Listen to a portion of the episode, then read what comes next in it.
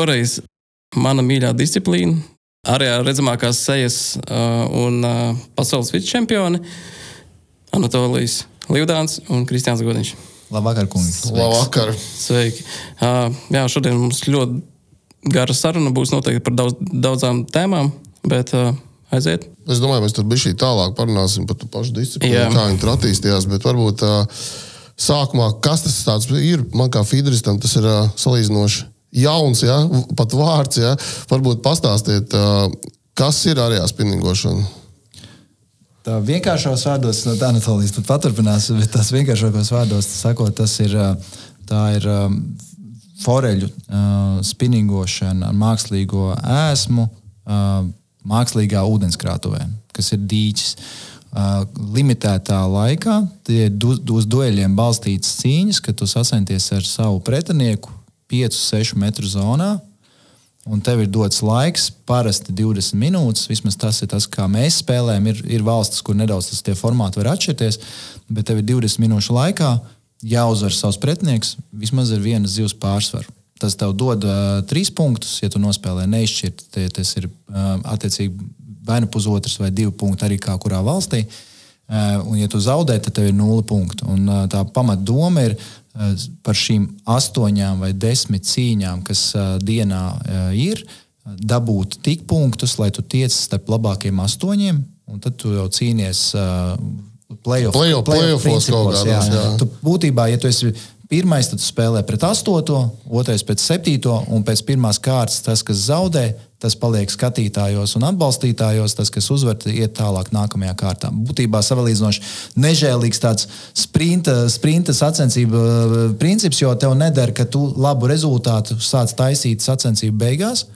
Tev jābūt uh, spējīgam visu laiku tos punktus uh, vākt. Jo, ja, ja tev ir astoņas cīņas, mēs parasti rēķinām pie daudz maz normāla zivju skaita, tev ir vajadzīgas nu, kaut kādi 16 punkti vismaz. Jā. Nu, tas ir 16 zivis. Tas ir nē, nevis 16 zivis, bet 16 punkti, kas nozīmē, ka tev. Nu, Aptuveni piecas uzvaras un neizšķirts ir vajadzīgs oh. no astoņām cīņām. Smaz, jā. Jā, un tev nepietiks, ka tu esi dabūjis četras uzvaras pašā beigās un pirmos četrus zaudējis.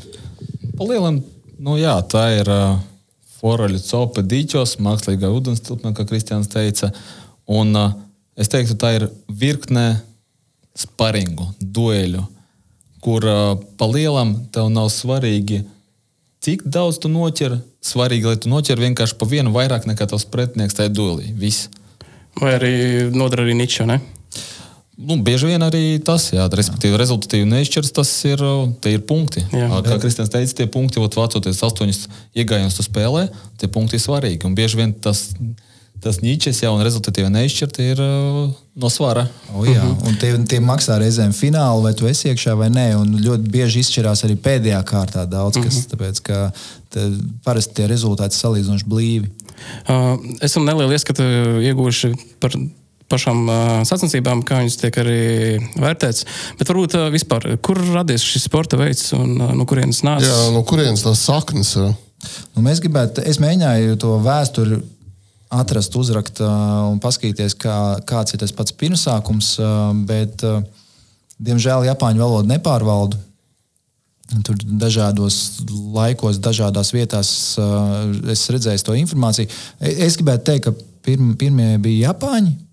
Viņiem tā mm, disciplīna ir ļoti attīstījusies, un viņa ir kļuvusi ne tikai kā sporta disciplīna, bet kā laba laika pavadīšana ģimenēm, bērniem, vienkārši aizbraukt, pa, pa, pamakšķerēt uh, dīķos, un viņi pat piedāvā arī tās nomas vietas, kur tu vari inventāru, tev pat nevajag savu inventāru, tu vari aizbraukt vienkārši.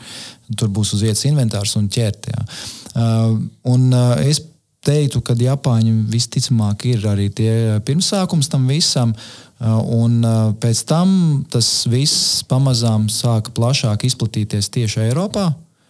Un nākamie, kas ļoti tuvu arī Japāņu stilam, ir arī sacenšās un organizētās sacensības, ir itāļi, kuriem ir desmit tūkstoši sportistu šajā disciplīnā. Desmit tūkstoši. Vismaz, Viņam ir raksturīgas līgas. Ja? Jā, vismaz spriežot pēc tās šī sporta veida, kas saka, attīstības un masveidības, tā, tad nu, noteikti Japāņi un ar Itāļiem bija viena no pirmajām. Tad tie tādi pamatlicēji sanāk ap divu. Savā ziņā, jā. jā. Uh, un tāda ir tuvāk tai klasikai, kādā veidā tas arī tika būvēts, jo viņš tika būvēts sākotnēji tiešām uz, uh, uz cietiem mānekļiem, kas ir uh, šūpiņi, wobleri, uh, dažādi. Dažādas formas, dažādu svaru, dažādu izmēru, bet būtībā uh, šī pusē atkal ņemot vērā arī dīķu iespējas, ņemot vērā zivju skaitu, parādījās tāds miksētais variants, kur arī ar silikonu ir iespējams bija piedalīties sacensībās un ķert. Bet ir jūtams, ka arvien vairāk tas uzsvers aiziet uz to harbeitu un arvien vairāk tuvāk tam Japāņu stilam. Un pēdējos divus, trīs gadus jāsaka tā, ka Eiropā ir daudz sacensību. Un tagad es, mēs redzam, mēs ar Anatoliju salīdzinoši daudz arī paziņu un, un draugu šobrīd izveidojušies šajā disciplīnā, arī citām valstīm. Mēs redzam, no, nepārtraukti notiek sacensības. Arī šobrīd ziemas mēneš, mēnešos notiek sacensības. Un tas liecina to, ka tā disciplīna kļūst populārāka, izplatās vairāk. Mm. Man liekas, ka 11 valstis. Es to pateikšu vairāk. 16, es to pateikšu vairāk. Tagad, kad uh, taisīju ielūgumus tā, uz sacensībām, jā, es saskaitīju kopā uh, 18 valstis, kuras mēs pazīstam, cilvēkus, kuri ir atbildīgi par šo sporta veidu. Tas diezgan masveidīgi. Tas viss ir Eiropas valsts, ne? Precizēsim. Jā, jā. Plus vēl pieliekam klāt Japānu, plus es redzēju arī Korejā šis, šī disciplīna. Nē, viņi noteikti ir kaut kur. Es runāju un... tikai par to, ko mēs jā. varbūt tā pazīstam daudz Uz jūsu radara, jā. jā. jā, jā, jā. Un jāsaka tā, ka tie, tie parādās divi signāli. Viens disciplīna kļūst populārāka, masveidīgāka, otrs sportisti paliek arvien labāki mm -hmm. un stiprāki. Un te ir tas atkal moments, kas svarīgi, lai mums arī tās sacensības notiek, lai mums viņas notiek pietiekami daudz un, un, un, un salīdzinoši labā līdzi. līmenī, lai mēs tiekam Jā. līdzi un varam turēties augšpusītē. Un, un tās cīņas būs arvien grūtākas un grūtākas. Un, un tās valsts, kur, kuras uzskatījām, ka, ka viņas drusciņi aiz mums ir, nu, pievalkās arvien vairāk. Bet, teiksim, kāds ir tas? Nezinu, izplat, nu, Latvijā, cik Latvijā teiksim, tas masveidīgs? Nu, es teiktu, ka mums, mums tā, tie skaitļi ir staigājuši dažādi, Pas, bet orientēties ap 30, 40. Pasakām vienkārši, mums ir reitingā, Latvijas Forelīgas reitingā ir aptuveni ap 40 līdz 50 sportistiem, kuri piedalījušies vismaz vienā sacensībās gada laikā. Mm. Tie ir tie aktīvie, teiksim, nosauksim. Jā. Nu, tie ir tie visi, kas parādās, kaut, jā. kaut parādījušies kādu reizīti. Jā. Aktīvie reāli laikam ir 30. 30, 30 kā, nu, Viss, kas ir reitingā. Jā. Jā. Nu, jā. Un cik sen, teiksim, pasaulē tas viss sākās? Nu, Cik tas ir apmēram tās saknes? Nu, es domāju, ka Japānā tie ir uh, vairāki desmit gadu Jau tik daudz, jā. Jā. Un, jo es kaut kādus vecākos, tādus kaut kādus arī video materiālus atradu, kas jau ir kaut kādi. 11 uh, gadi un, un piemēroti dīķi, tehnika, inventārs. Viss. Ir ļoti salīdzinoši vairāki brendi, Japāņu ražotāji, kas ir tieši šai disciplīnai, ražo inventāru, gan, gan kāti, gan mānekļi. Viņi koncentrējas tieši uz, uz, uz arējā vai arējā kombinācijā ar uh, ar uh, strauta, forelē, taimiņš, lasis būtībā tajā segmentā. Redz, kas redzēja Japānā, piemēram, interesanti. Mēs runājam par makšķerēšanas sportu, par ārēju, kā makšķerēšanas sportu mūsu izpratnē. Ja? Bet tur viņš īsti nu, nav tā kā sports mūsu izpratnē. Tur, tur tā ir uh, atsevišķa makšķerēšanas veids, un visas sacensības visi ir principā komercializētas. Ja? Tas viss ir kaut kur tiek piesaistīts kādam brendam, ražotājiem, nu, kaut kā tā. Un plus vēl tas aktīvās atpūtas. Jā, jā variants, pie mums tas savukārt vairāk. ir tas, plus vēl ir Latvijas čempionāts. Tas ir ceļš uz pasaules čempionātu, kur mēs Japāņus pagaidām neredzam. Tā droši vien ir atsevišķa saruna, kāpēc Japāņi izvairās no, vai neizvairās, vai uzskata par to, ka viņi negrib braukt. Tik zem un nav krituši. Jā, jā, jā. jā. par to. Jā. jā. Es domāju, varbūt arī ne bez pamata. Tur uh, mēs varam tikai minēt, ja vislabākais variants būtu viņiem satikties un parunāt, kas ir tie iemesli. Bet īstenībā ir interesanti paskatīties, uh, kad ir uh, piemēram tie paši Norris kausi, kad mums personīgi pazīstami cilvēki, ka viņi bija braukuši uz turieni, cīnījušies un īstenībā, nu, kas saka, varēja turēt līdzi kaut kur. Tas ir Japānā. Jā, jā cīnīties jā, ar Japāņiem. Var, var pacīnīties, protams. protams. Es domāju, ka arī tas uh, Eiropas sportistu līmenis uh, aug un iet uz priekšu. Mēs arī skatāmies un sekojam līdzi arī Japāņu sacensībām. Mēs redzam, ka tās vairs tik ļoti nepārsteidz, kā tas bija pirms gadiem, pieciem, sešiem, septiņiem. Tas viņu prasmes uh, pirms septiņiem gadiem likās, oh, relīzers, kas tas tāds, kādā tempā viņi to visu dara, kā viņi to zivi uzķer, atbrīvo, cik tas viss ātri un raiti notiek. Ja? Tagad, uh, tagad to skatoties, tu saproti, jo tu, mēs paši esam bijuši savā ziņā. Nu, ne tieši tāds, tādos pašos apstākļos, bet līdzīgākos mums bijušas pasaules čempionāti gan Rumānijā, gan Itālijā ar salīdzinoši mazām izmēru zivīm, kas ir tuvu tam Japāņu tam klasikai, kā viņi izmanto un ķer. Līdz ar to mēs labāk sākam saprast inventāru nianses. Mānekļis, mānekļi, kaut vai āķu diametrs, ja, stīpai, ja, cik, cik resna, ja, ka tas var mainīt gan realizāciju, gan, gan vispārējo auklas, auklu tipi, auklu diametri. Tur parādās ļoti, ļoti daudz nianses. Nu, tā, tas ir nianses, kā jeb, jebkurā sporta veidā. Nu, gribiet dziļāk, tad mm -hmm. viņi ir vairāk. Uh, un par tām niansēm, kāpēc tieši forele? Kāpēc uh, šīs jūs izvēlēta, kur dīķos ķer nevis uh, kāda cita? Nu, forele laikam ir tāda vērtīga zivju suga, kas ir tādā ziņā. Viņa tiek tā, viņas audzēšana ir diezgan izplatīta visā Eiropā.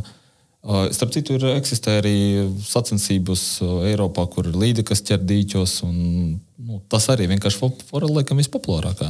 Tur es domāju, ka vēl ir tas sportiskais moments klāt.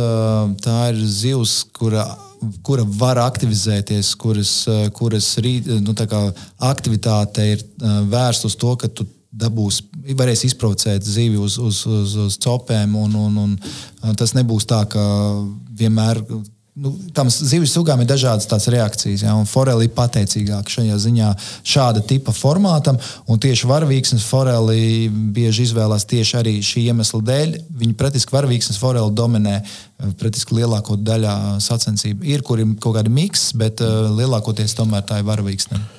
Bet, eh, teiksim, vai tā forele atšķirās starp Latvijas foreli un uh, Japānas forela, vai tas ir viens tā pati? Es teiktu, ka uh, dominē varavīksnes. Uh, varavīksne un suga ir tā pati. Tā pati, tā pati varavīksnes forela, jā. Atšķirās izmēri un, un, un niansīts, kādos apstākļos viņas aug.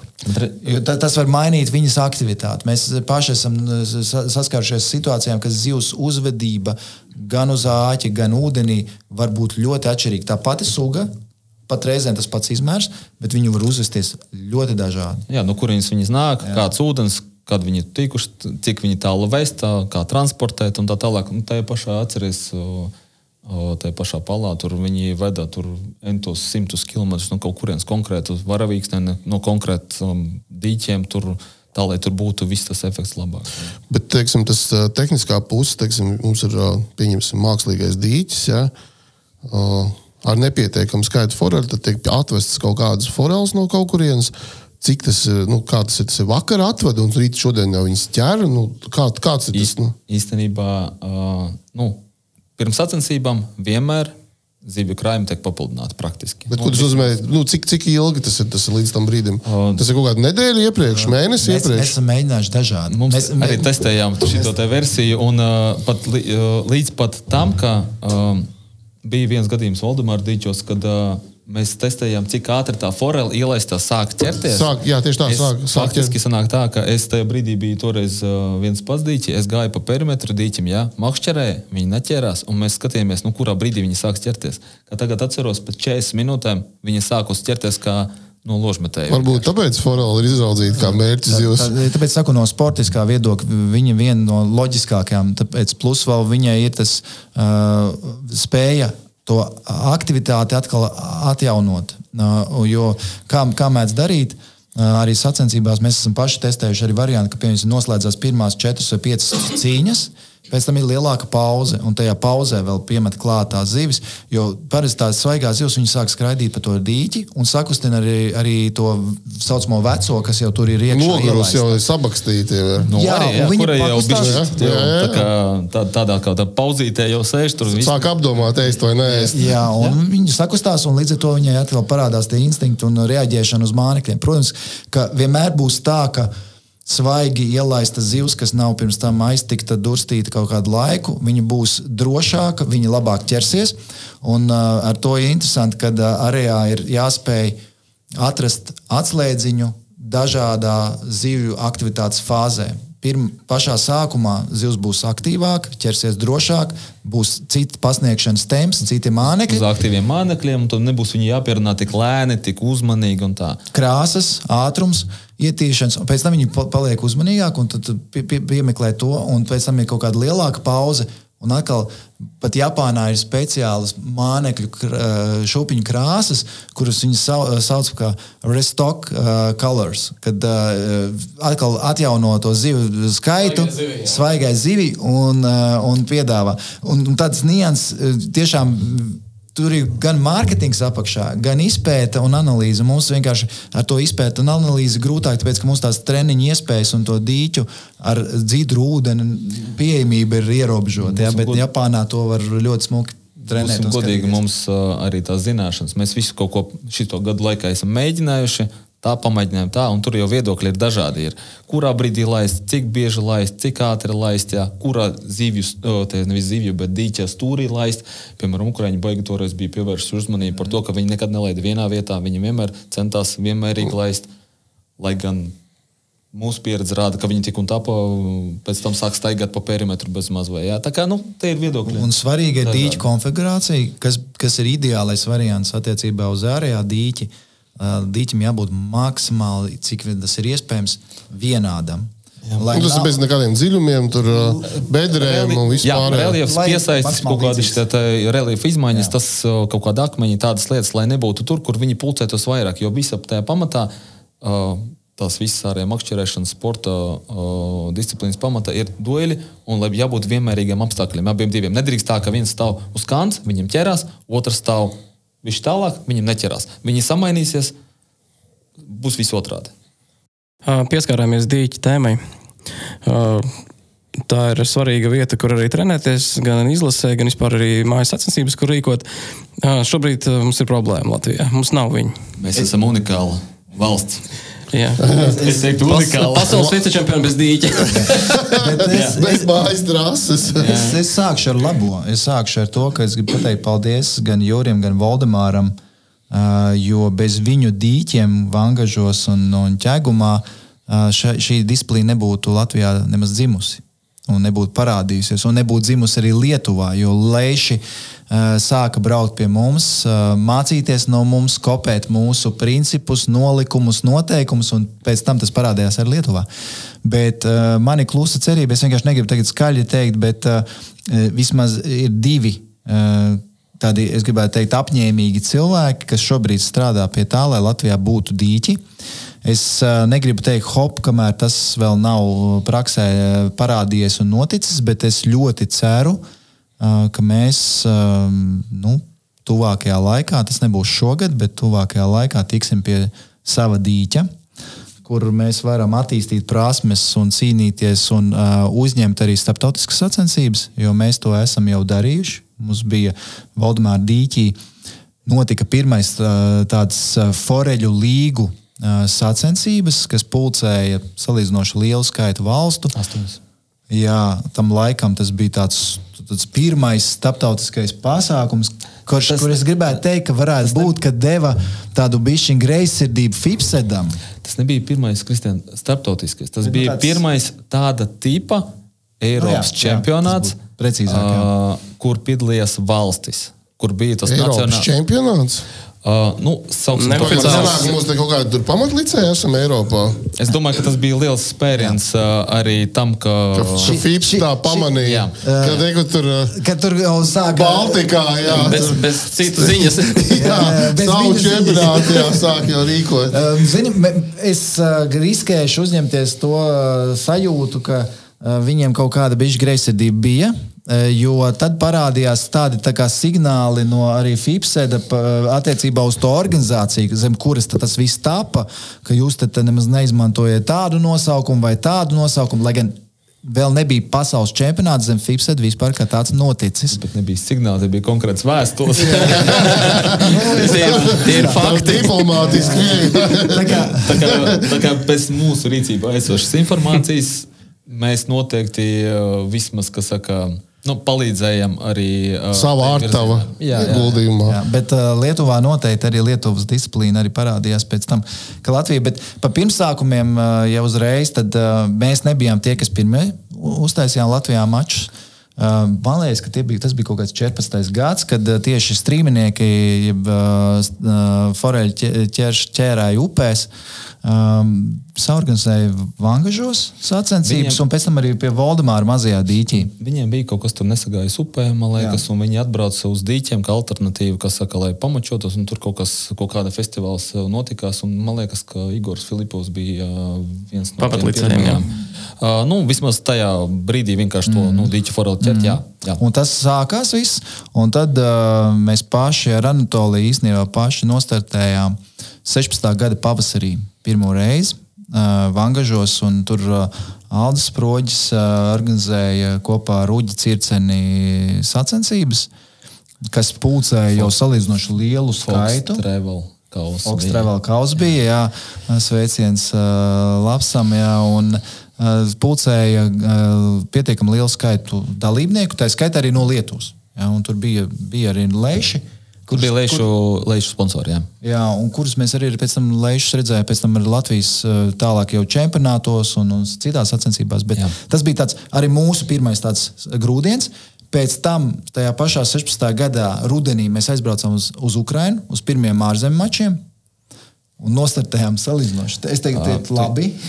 Vēl izlaidīja tajā pašā gadā, 16. gadā, augustā bija Latvija, uz Latviju atbraukušie Ukrāņi, Krievi. Un pie Valdemāra Jā. bija principā laikam pirmie lielie starptautiskie mači. Jā, jā. Eiropā vai Latvijā? Nē, nē. Latvijā. Tajā brīdī Latvijā. Latvijā, Latvijā. Tajā brīdī Latvijā jo uh, atbrauc uh, Krievu delegācija, diezgan liela Ukraiņa. Principā tas ir no turienes mēs arī, arī esam sapazinušies tā kā ar lielāko daļu, teiksim tā, Pēc tam- padomju savienības to forelistu Jā, sabiedrību. ko- Kopienu, jā. Jā, jā.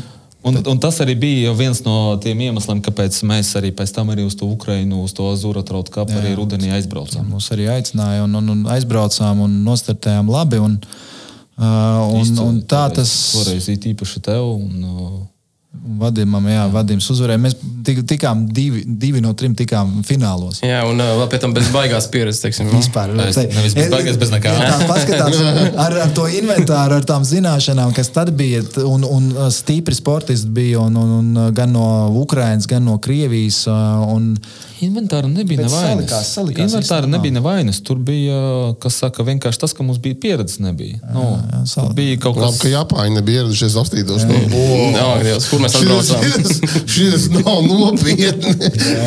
Bet nē, tur bija tāda jau laikmets. mača. Tas bija mums īstenībā pašiem grūdienis. Domāt par savām sacensībām, un ā, tad jāsaka tā, ka um, savā ziņā jāsaka paldies arī Aldim Sproģim, kurš Nevis, mani iedro, nevis iedrošināja. savā ziņā, bet es domāju, ka tu milzīgs paldies. Jā. Jāsaka, ka tajā brīdī tieši Aldis ir ievirzīja Viņš man iedrošināja. Es ilgi domāju, uzņemties vai neuzņemties. Viņš iedrošināja. Viņš saka, ej, mēs atbalstīsim, būs, Man būs liekas, ka viņš tevi iedrošina tikpat ilgi, cik tu man pieteikties pirmajam mačam. Jā, un apmēram līdzīgā veidā. Zini, kā tas notika? Kā Anatolijas dabūja maču. Mēs vienkārši tajā, tajā ziemā tur aizbraucām uz Vangažiem, tāpat patrenēties. Paķert uh, foreles, uh, sākām Ko kaut tas kādas nozīmē patrenēties? Kam trenēties? Nē, nu, tāpat paķērām, trenēties. tāpat paķērām, ja. kaut kādas šūpiņas un tā tālāk. Un tad uh, bija iegājis pie Uģa Circeņa, tad tad Alda, Alda Bodē. Kaut ko runājām, kaut ko skatījos. Viņš saka, sacensības, vajag pieteikties. Domāju, domāju. Kas ir kādas sacensības? Man viens mikroģīgi kāds. Ko es, ko es tur darīšu? Kas, kas, kas tur notiks? nu, labi. Un jāieraksta Anatolijas Livdēns arī. Di, kopā divi tādi drošākie. Ja? Jā, jā, un tad Un tā saņem arī- zvanu, ka tu piedalīsies mačos. Tā, ā, nu jā, labi. Un smieklīgākais, kad uh, nofinišēja otrais. Tajos mačos Jā. tie bija pirmie mači. Es arī, es desmitais biju, es, de, es biju desmitais, bet īstenībā, ot, smējies, nē, bet uh, tu iedomājies, cik mums dueli bijuši, jā, nu tā vispār par šiem gadiem. Savu pirmo es atceros, kā es uh, apspēlēju Aleksandru Sivcovu, jā. Līdz šai dienai atceros, kā rokas drebēja. Man liekas, ka man pirmais bija ar Juriju Fjodorovu duels. Es varu kļūdīties, bet man kaut kā atmiņā liekas, ka tas ir Jurija. bija. Es savu pirmo duelu atceros. Tagad eh, klausītājiem jāpiefiksē šis fakts, ka atcerās pirmos dueļus. Jā, jā, jā. Tie ir svarīgi. Jā, vēl viena lieta, ko atcerēties visu mūžu. Zini, es teikšu, šitai disciplīnai, kas ir forši. Uh, viņa sastāv, uh, var teikt, vienas sacensības sastāv ar daudz tādām uzvarām, daudz tādiem zaudējumiem vai un tā tālāk. Daudz emocijām, epizodēm. epizodēm. Un, un tev ir bijušas situācijas, kad tu izrauj uzvaru pēdējās sekundēs. Tā kā tiešām pašās pēdējās sekundēs ir bijusi situācija, kad tu zaudē ar divām, trim, četrām zivīm, un tu iedzen un uzvari, un tas paliek atmiņā. Vai Un arī tev- otrādi. Vai arī otrādi. Vai arī kaut kādi tādi lieli. Viņš to vai ne? Uh, Vai ir tādi lielie sportisti, uz kuriem tu sākumā skaties, oh, ka nu, tu, viņš ir labs, un tu spēj ar viņu nocīnīties un uzvarēt, vai, vai, vai būt Jā, un pēc tam tu līdzīgi, savu elkopu spēlē. Nu tā, nu rupi sakot. Jā. Jā, nu, Tā kā, tā kā tas ir tas, ko es gribētu iedrošināt arī eh, tos, kas nav mēģinājuši. Jo kas ir foršais šajā disciplīnā? Tev ir piemēram 8 vai 10 cīņas. Iespējams, ka tu izcīnīsi divas uzvaras, trīs uzvaras, bet tās būs tavas uzvaras. Jā, tev varbūt pietrūks, lai tiktu finālos, bet tev būs tavs, tava pirmā, otrā vai, vai, vai kāda uzvara, kas tev paliks atmiņā. Kā, Jā. kāds tāds pozitīvs lādiņš, un mēģināt vēl. Es tomēr varu pacīnīties. Ja? Un, un, un nevajag tiešām ā, baidīties, jo es zinu, ka ir daudz labu makšķernieku, prasmīgu makšķernieku, kas tajā sportā vēl nav mēģinājuši pamēģināt Jā. spēkus. Mēs noteikti šai, šim topikam vēl pieskarsimies beigām vairāk par to, kas ir ārējā sportists un kurš var kļūt par to. Un vispār nu, Latvija ir, jā, kā minēja, unikāla valsts vicečempiona bez dīķa par kopējo līmeni. Mēs esam stipri Eiropā, pasaulē. Gribētu domāt, ka jā. Vai tas bija vienkārši viens reizes? Sakrita kārtas. Nē, mums jau bijuši starptautiskie mači. Redziet, pirms pasaules čempionāta mums bija gan tas pats atlases kausi, ja, kur mūs vienmēr uzskata par vieniem no galvenajiem favorītiem. Mēs arī Kas ir esam- atlases kausi? Uh, Nu, kas ir tā kā Eiropas, uh, Eiropas Līgu. savā ziņā Č- Eiropas Līga. čempionāts. jā. Jā, nu, sauksim to tā, teiksim, tā, tas ir tāds uh, nacionāla līgu apvienojums. Jā. Teiksim, tā, mēs esam apvienojušies kopā zem viena karoga ar mērķi uztaisīt čempionātu. Jā. Kas ir radies 2018. gadā, pirmoreiz noticis arī Latvijā. Tas ir atkal, mēs esam atvilkuši viņu šejienu, mēs esam sarīkojuši to, mēs esam uzaicinājuši uh, astoņas valstis toreiz, jā, un mēs esam to ar čempionātu arī uzvarējuši. Pirmie. Jā. Nu, Paši par sevi saprotams, ka jāuzvar. trešā vieta. Jā, jā, jā. Un, uh, tas, uh, tas, tas, tas, tas notiek katru gadu, nu, izņemot to Covid laiku, jā, bijis. Jā, un uh, notiks arī šogad. Šogad mm. Polijā notiks. Jā. Un, uh, ja paskatās tā vēsturiski, jā, tad uh, es domāju, ka, ja mēs saliksim tad, nu, tā primitīvu reitingu, sauksim to tā, jā, uh, es domāju, ka Latvija būs pirmā vietā. Tāpēc, jums- ka, jums- tāpēc, ka Itālija nepiedalās. Jā, Tas tāpēc, tā, ka Itālija nebija- nu, te- pateikt, jā, būtu korekti, tāpēc- pasaules čempionātā ir divreiz, divreiz bijusi pasaules čempionāts, abas reizes Jā, viņa uh, bet, nu, jebkurā gadījumā mēs plānojam tā, mēs esam pietiekami konkurētspējīgi, teiksim tā, tajā atlasa valstu lo- lokā un uh, pasaules čempionāts viņš redz, viņš aug, viņš tikai otru reizi noticis. Bet, ā, teiksim, par, runājot par to kaut kādu gadu reitingu, tad es zinu, ka citās disciplīnās viņi pat skatās piecu gadu reitingu. Un tad, teiksim, viņi nosaka, kura valsts patreiz ir tāda nu, dominējošā. Skaidrs, ka katrā gadā uzvar viena. Bet, teiksim, noteikti to, kas ir tur topā, viņi skatās uz piecus gadus. Redz- Vai jums ir līdzīgi? Redz, tava disciplīna ir ar daudz, daudz senākām saknēm. Jā, jā, te ir Ā, starpība. Un ir vienoda, vienādoti tie principi. Mēs uh, bijām viena no pirmajām vispār starp tām valstīm, kuras mēs zinām, uh, nu, tā ciešāk, kas tuvāk mūsu reģionam, kas, kas vispār uztaisīja tādu plus-mínus reitingu. Uh, pēc kura mēs tad arī vadāmies, nosakot labākos, kas pārstāvēs pēc tam Latviju dažādu līmeņu um, sacensībās. Tam bija vairāk pat pateikšu. Es domāju, ka Latvija bija viena no pirmajām Eiropas valstīm, kurām bija nacionālais čempionāts šajā disciplīnā. Arī 2017. Arī. gadā, vismaz uz doto brīdi, Jā. Es nezinu nevienu valsts, kurai bija ātrāk Latvijas čempionāts. Vēlreiz pamatlicēji. Tas Vismaz bija, Eiropā. Tas bija 2017. 17. gads, jā. kad mēs sākām organizēt Latvijas čempionātus. Uh, Mums bija fantastisks tā, tā, tā pirmā gada rudens posms, kad mēs knapi, knapi spējām sportistus savietot Valdemāra dīķī. Un 78. Valdemāra dīķis ir salīdzinoši liels. 78 sportisti? Jā. Jā, un tā kā nu, bija No kurienes viņi rodās? Ka Kur... Bet Tad bija robežas vaļā. Tad bija Ā, robežas vaļā. tas no bija ārzemēm. no austrumiem jā. vairāk. Bija aptuveni, aptuveni puse bija uh, no austrumiem. Jā. Un, un, un šis ir šīs disciplīnas lielā burvība, ka tev, tu esi daudz kompaktāks, eh, kompaktāks tu, tev ir vieglāk ceļot, braukt un piedalīties sacensībās. Eh, Es esmu kopā ar Anatoliju ārējā eh, bijis vairāk starptautiskās sacensībās nekā laivās. Dēļ, dēļ tā, ka ir Loģistikas. daudz ērtāk mm. un vieglāk aizbraukt. Un tev arī mazāk laika vajadzīgs, lai tu tu, tam dīķim sagatavotos. Mums parasti ir maksimums vieni treniņi, ja, un pēc tam ir sacensības sestdienas Tas ir ļoti maz. Jā. Tas ir ļoti maz. jāspēj, un jāspēj tev norentēties tajā vidē, un kāpēc mēs cenšamies darīt uh, mājas darbu. Ja? Kā piemērs Rumānija. Pagājušajā gadā bija pasaules čempionāts. Mēs savācāmies uh, sportisti, pirms tam aizbraucām uz Balkānu kausu. Sanāca arī vinnēt Latvijai, bet, uh, bet uh, mēs braucām ar mērķi. Sanāca. Sanāca. Braucām ar mērķi izpētīt ūdens tilpni, saprast, kas tur notiek. Tālāk. Uh, Kaut vai uh, tas pats stā- stāsts par uh, Lietuvu, ja, kas, ka- kur būs pasaules čempionāts šogad. Mēs arī cenšamies pakārtot uh, nosacījumus, kārtību tam, lai mēs būtu maksimāli gatavi tam. Un tas ir tas, kas jāizmanto un jāgatavojas. Um, es jā, apsveicu Latvijas izlasi zemledus uh, makšķerēšanā, kas, kas dabūja trešo vietu un individuālu ot, un otro vietu. Uh, bet uh, izcila pirmā diena. Bet otrajā dienā kaut kas ne, nesalikās. Ja? Un te ir tas stāsts par to, ka uh, treniņi reti, kad var būt par pa daudz, ja? bet uh, uh, tam laiks ir jāvelta. Tam ir laiks jāvelta, un jābrauc, un jāpēta, un jāskatās, un jābūt gatavam. Bet zini, kas ir uh, viena no ārējā copas principa burvībām? Uh, tas, ka tev, ja visās citās disciplīnās ir uh, treniņiem ir milzīga nozīme, milzīga, tad šeit ir, tā, šī disciplīna ir tāda, ka tu vari ielikt nautiņā, atbraukt no rīta, atnest pie dīķa. Un tu vari sākt visu uzvarēt, Jā. tāpēc ka tu būsi visātrāk sapratis, ko viņai vajag tieši tagad un tūlīt. Balta, baltā vamzītī. Jā, valstī. Jā, un reizēm tev pat tas treniņš var nepalīdzēt. Kāpēc es izskaidrošu vairākus piemērus?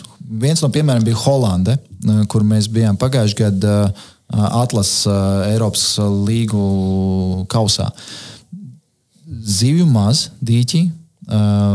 Ielaistas, kaut kas ir ielaists, vien, viena daļa koncentrējusies vienā vietā tikai. Ne, Ielaists bija daudz. Jā, Jautājums par to, ka tā forela aizgājusi uz vienu stūri un viņa stāvēja vienā tādu. stūrī. Tad, tad mala un viens stūris, otrs stūris. Un tu pārējās vietās vari patagot to ūdeni krustu šķērs un labā gadījumā tiks pie kādas copas. Tāds treniņš tev tāpat nedod priekšstatu.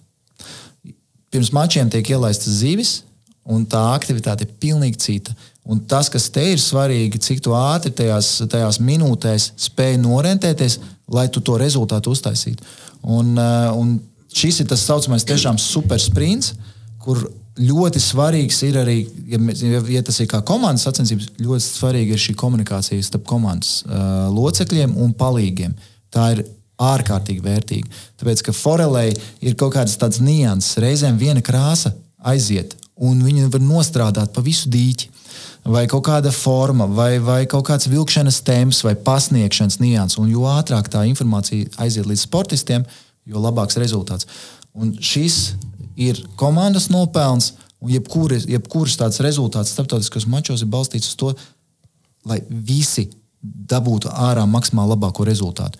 Ja būs kāds augšā, ar to bieži vien ir pa maz, jo tev jābūt. Tad va- pat var neuztaisīt baigos uh, varoņdarbus. Tev jānoturās visai komandai, nu, top 3, top 4, un tu jau esi jau starp čempioniem. Teiksim, cik daudz no tā viss ir veiksme, tur izloze. Um, šajā sporta veidā, kā reizes saprotu, Igor, tas ir tāds, šeit ir, ā, tai, nu, te nav vietas faktors. Laivās tur tas citur, tur ir vietas faktors visur. Reliefs, kur zīves ir, kur nav. Šeit jau do- doma tāda, ka salēž zīves. Zivis Apstākļi ir visur. vienādi. Tev jāsaprot to, ka zīves ir visur. Kaut kur viņas var būt vairāk, bija šķiet, kaut kur mazāk teorētiski. Tas tā, tā var būt. Bet pa lielam tu jau ķer šeit. Tu neķeries savu pretinieku, viņš ķer tur, tu šeit, tu ķer tur. Ja? Jūs ķerat šeit, sapratī.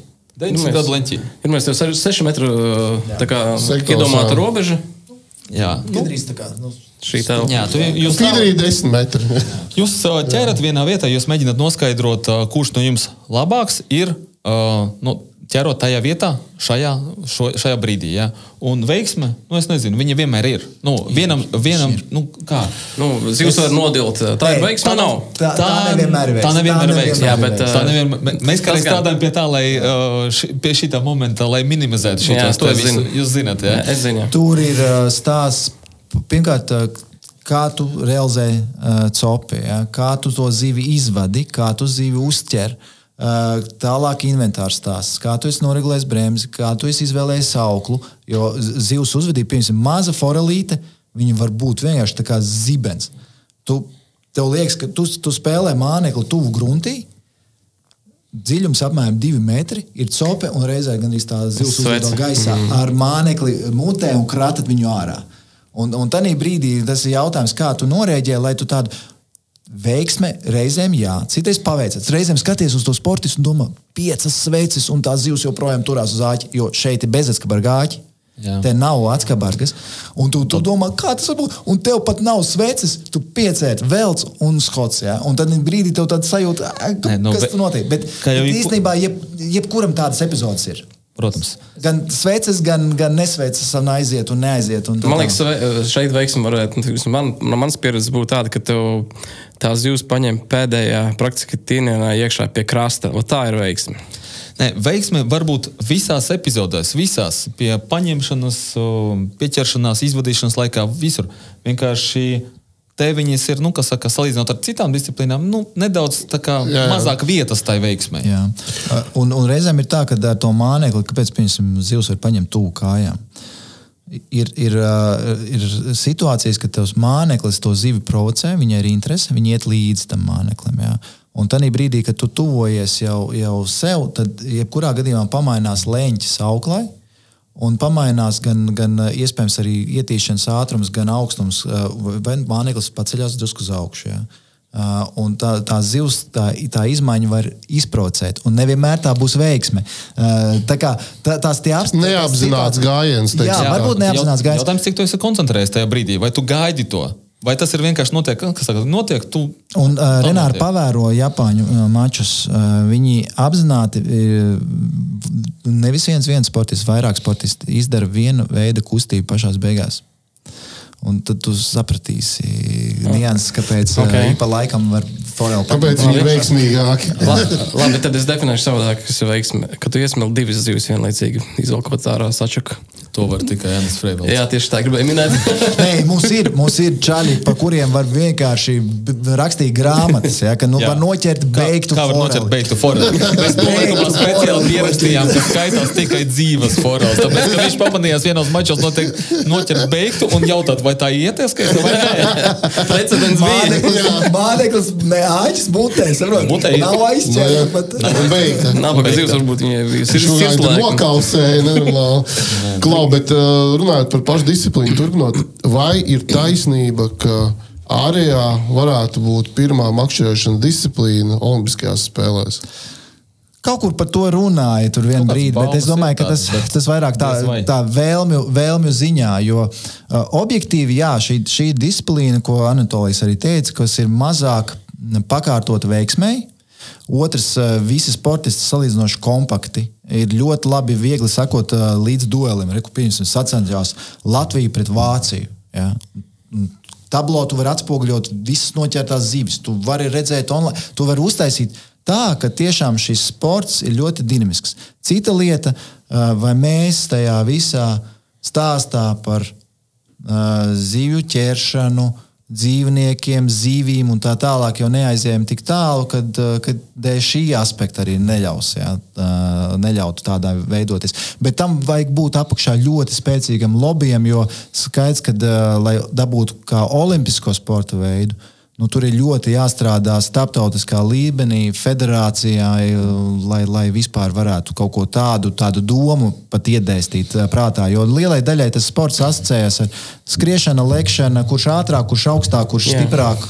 Bet viņš arī ir objektīvāks tādā ziņā. Jā. Šeit tomēr tas procents veiksmes, nu, viņš ir. Nu, nevajag Jā. nolikt, nu, viņš būs vienmēr. Nu, nepazudīs. A, Kā teiksim, no skatītāja viedokļa, ja kaut kāda liela mača ir, tur ir uh, viņš ir pietiekami teiksim, tā, kupla apmeklēts. Aizmugurē sēž kaut kāds pūlis, kas, kas varētu traucēt vai netraucēt. Kā tas norit? Vai tas tomēr ir diezgan intīmi? Tur? Zini, dažādi. Ir, ir, ir sacensības, kur aizmugurē ir uh, lielāks bariņš skatītāji, bet pamatā tie ir tie, kas tajā disciplīnā dzīvo kuriem paši, kuri vai nu piedalās, vai ir kā tiesneši, vai pēc tam, pēc fināla, eh, kad sāks fināla, paliek skatīties un tā tālāk. Tas, kas man liekas, kad ir mm, tas, tas masveidīgums vai, vai tā interese un tā tālāk.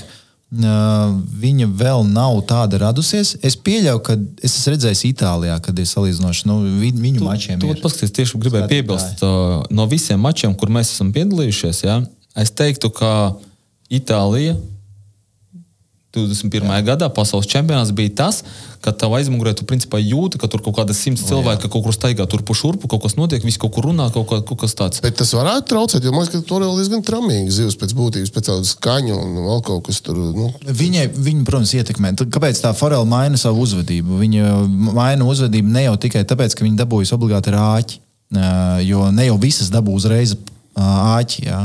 Bet tas pats troksnis, cilvēku kustēšanās, ēnas. Uh, tas viss viņu padara uzmanīgu un tramīgu. Bet uh, parasti jau veido tā, ka ir tā zona, kur ir sportisti. Un, un ka nevar iet klāt, jā. Tik gluži klāt jau, ne.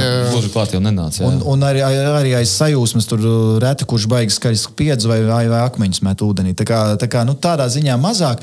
Tas, ko gribētos, ka um, mēs arī mēģināsim pie tā strādāt, ņemot vērā, ka šogad pasaules čempionāts ir, ir, ir kaimiņu valstī, tepat uh, Lietuvā, ka gribētu mēģināt to Karsai, sajūtu. Karsai meitenes. Karsai meitenes arī būtu forši. bet, uh, bet, uh, ja tā nopietni tā doma ir pamēģināt uh, to sajūtu parādīt tiem, kas nevar atbraukt caur, caur uh, ekrāniem, datoru vai, vai, vai tam līdzīgi. Un, protams, ka mēs aicinātu arī apskatīt uh, un uh, dabūt to sajūtu, ko nozīmē sports, uh, makšķerēšanas sports, jo makšķernieku mums ir daudz.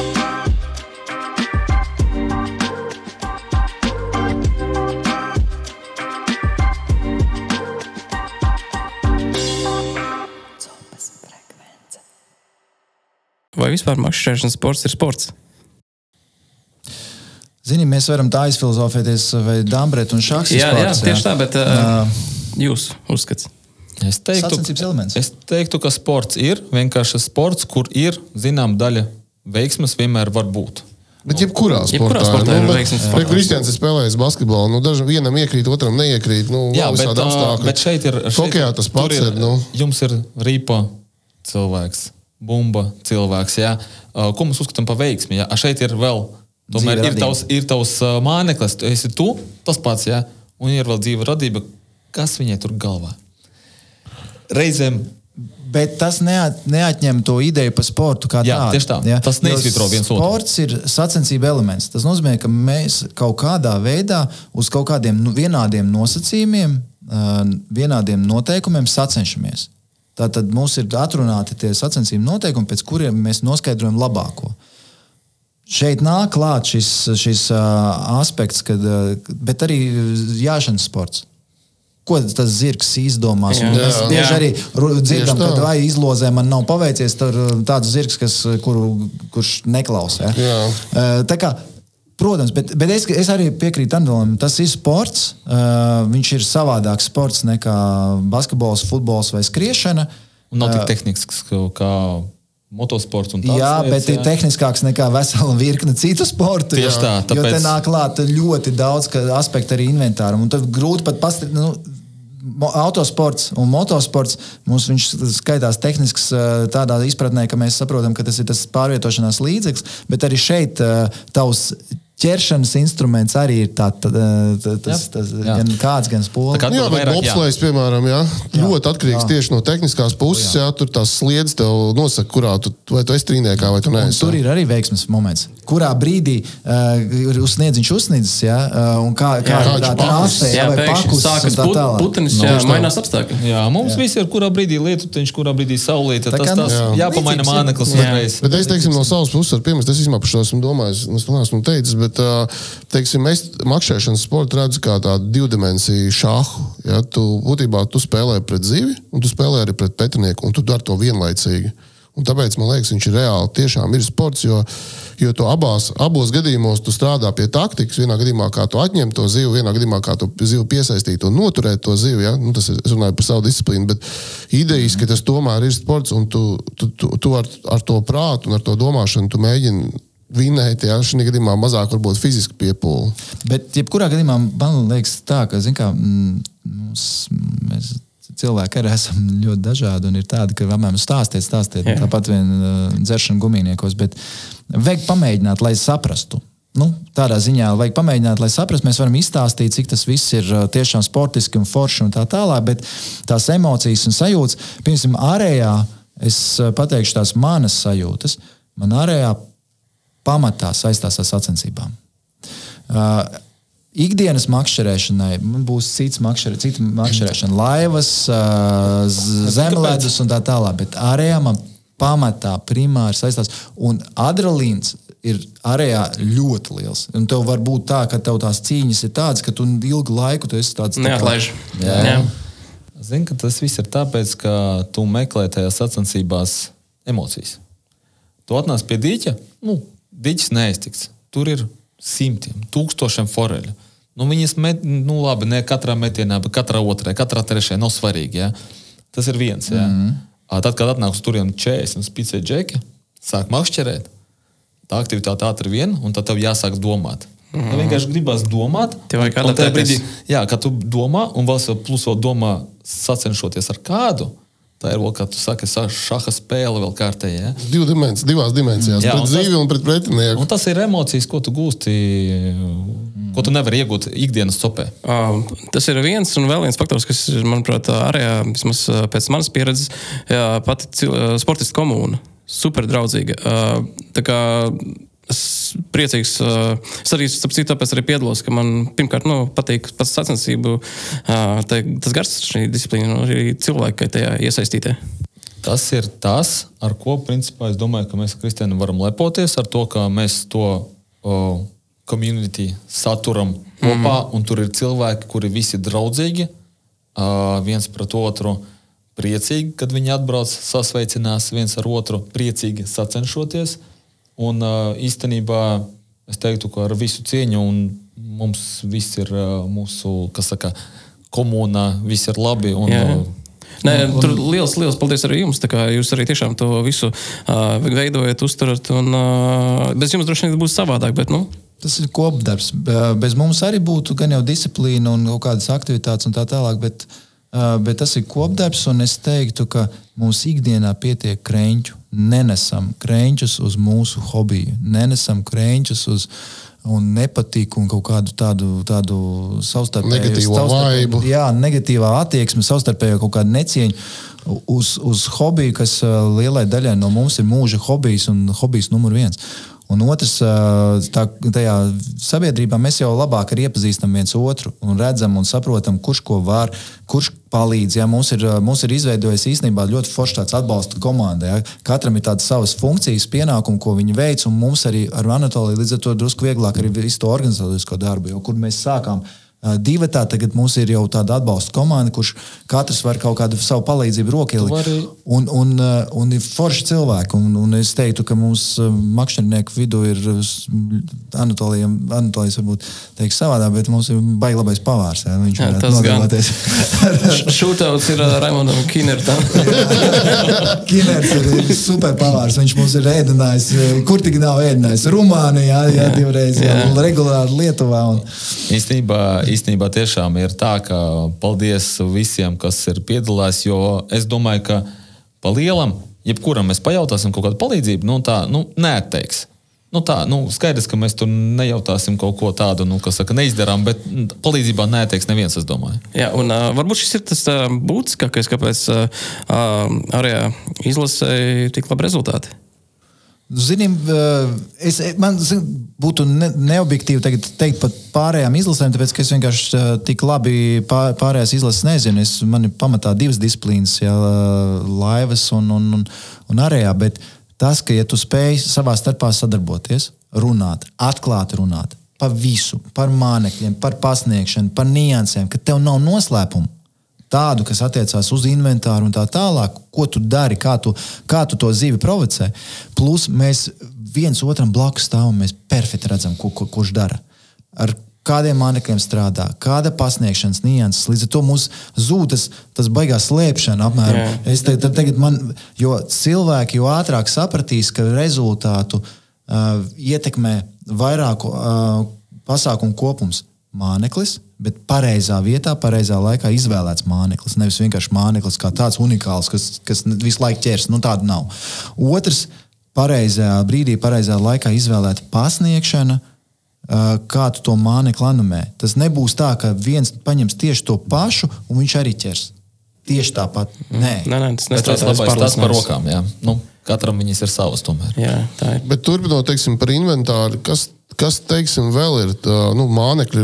Es redzēju, uh, Renāru tur uh, bildes. Manu tur- pieticīgo Jā, inventāru. bet, jebkurā gadījumā, nu, mānekļi ir viena no nu, teiksim, svarīgiem, svarīgajām vienībām, bet, teiksim, kas pastāsta, teiksim, kas ir ārējā sportista arsenālā? Jā, one on one, teiksim, kas ir nu, teiksim, pamats, ar ko vispār var sākt. uh, Beidzot Jā. ar to, kas ir uh, jūsu pasaules līmenī.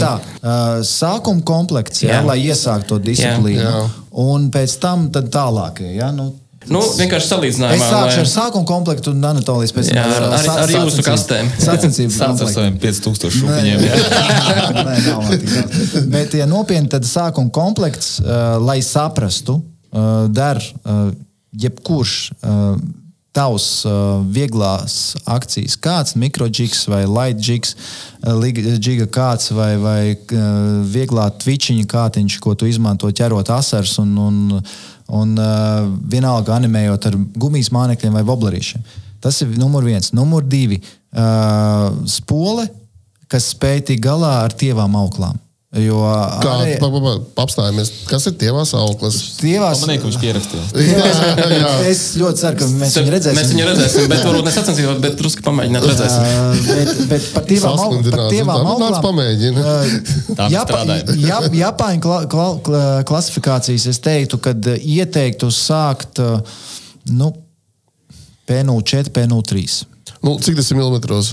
Zini, dažādi, bet tas varētu būt kaut kas nu, vien- 11. Nu, 11. 12. Mēs, starp citu, pēc tam zem video aprakstu ieliksim to aprakstu, kam jābūt pašam minimumam. Jā, bailām. Tas nav baigi plānās. Tā, nē, tāpēc es sāku sā, sākumā iesākam ar tādām. Jā, Viņš Pēc- tagad pa striķiem runā. Ne, Jā, ne, ok, ne, ok. nevajag uzreiz lekt uh, arī pavisam tievā. Zem Bet arī 0,1 nevajag baigi resnās. Jā. Uh, nākamais ir uh, tātad uh, kāds uh, spole, uh, aukla.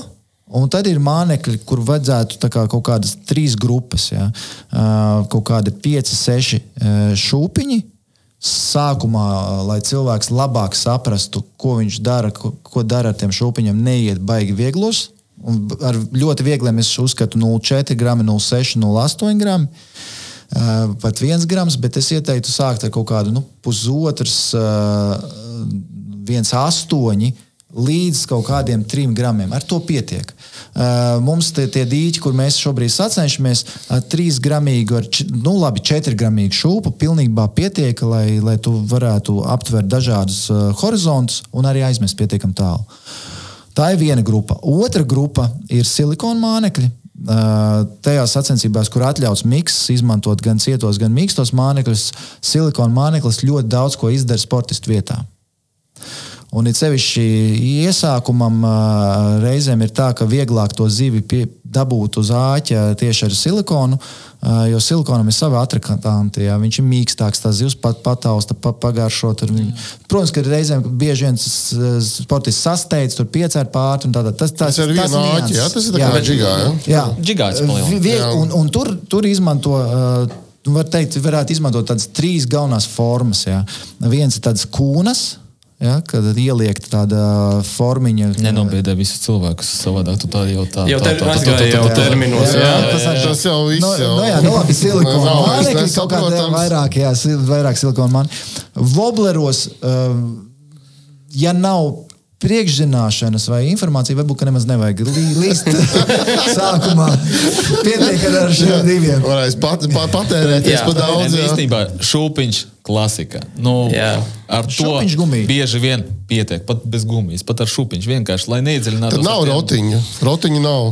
Tas Ir, nav, ir, ir. ir. Drīkst izmantot, drīkst izmantot. Ir ļoti, palaidām garām. ļoti unikāli momenti, kad rotiņš nostrādā, bet rotiņš ā, dīķos. Uh, Nu, nav, nav tas uh, Top māneklis. top māneklis, ko izmantot, uz ko likt akcentu. Ja ir mērķis vispār noķert zivi, nevis uzvarēt, tad tas ir savādāk. Jā. Ja? Tad, tad mēs varam būvēt inventāru Jā, ja savādāk. mēs ja? piedalīties, varam mest Bet, ko. bet tas būtu. Kam ir bezskap- nu, bez. Un, un noteikti fluorokarbona pavadiņi, ja mēs izmantojam pīktu auklu, tad noteikti fluorokarbona pavadi jā, ir vajadzīgi. Un uh, pēc iespējas mazāk sakabīt. Jo reizēm cilvēki uzliek tādu sakabi vēl ar, Ar griezulu, ar griezulu, un tā tālāk. Un tad tu saproti, ka tu esi pielicis klāt vēl apmēram pusi no tā šūpiņa svara, un tad tu brīnies, ka tā forela tur. Un vēl uh, forele ir ļoti pateicīga veikalniekiem, jo lai nu ko tad šī ir zivs, kura uz krāsām reaģē.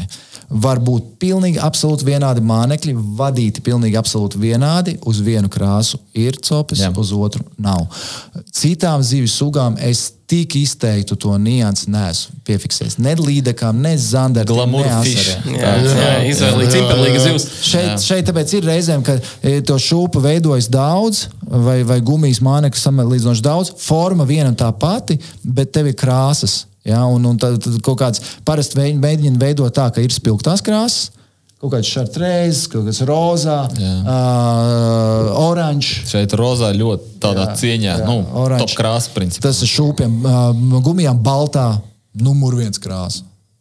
Rozā, nu, baltā, numur viens krāsa. Es domāju, ka jāizvēlās no silikona viena krāsa, tad es pateiktu, visu baltu Jā, paņemšu. un jā. Būs labi. Jā. Tie ir visi, kas klausās, tad būtībā rozā šūpiņš, balts, Jā. balts silikons. Tas ir uz aktīvo un, zīmi. un jau mēs varam uz kaut ko cerēt. Jā, tad tas ir uz aktīvo Jā, jā, Tā jā. brīdī, kad tā zivs paliek pasīvāka, tad šūpēm parādās jau citas krāsas, tumšākas, zaļganīgi toņi, brūni. Kas nav tik provocējoši, ja? Kas nav tik, tik kontrastējoši ar, ar, ar, ar ūdens uh, krāsu. Un, un arī, arī gumijas mānekļiem parādās brūnās, pelets krāsa, melnā krāsa. Ja? Nu, silikona atkal vairāk ir svarīgs jums šo tas ā, svars.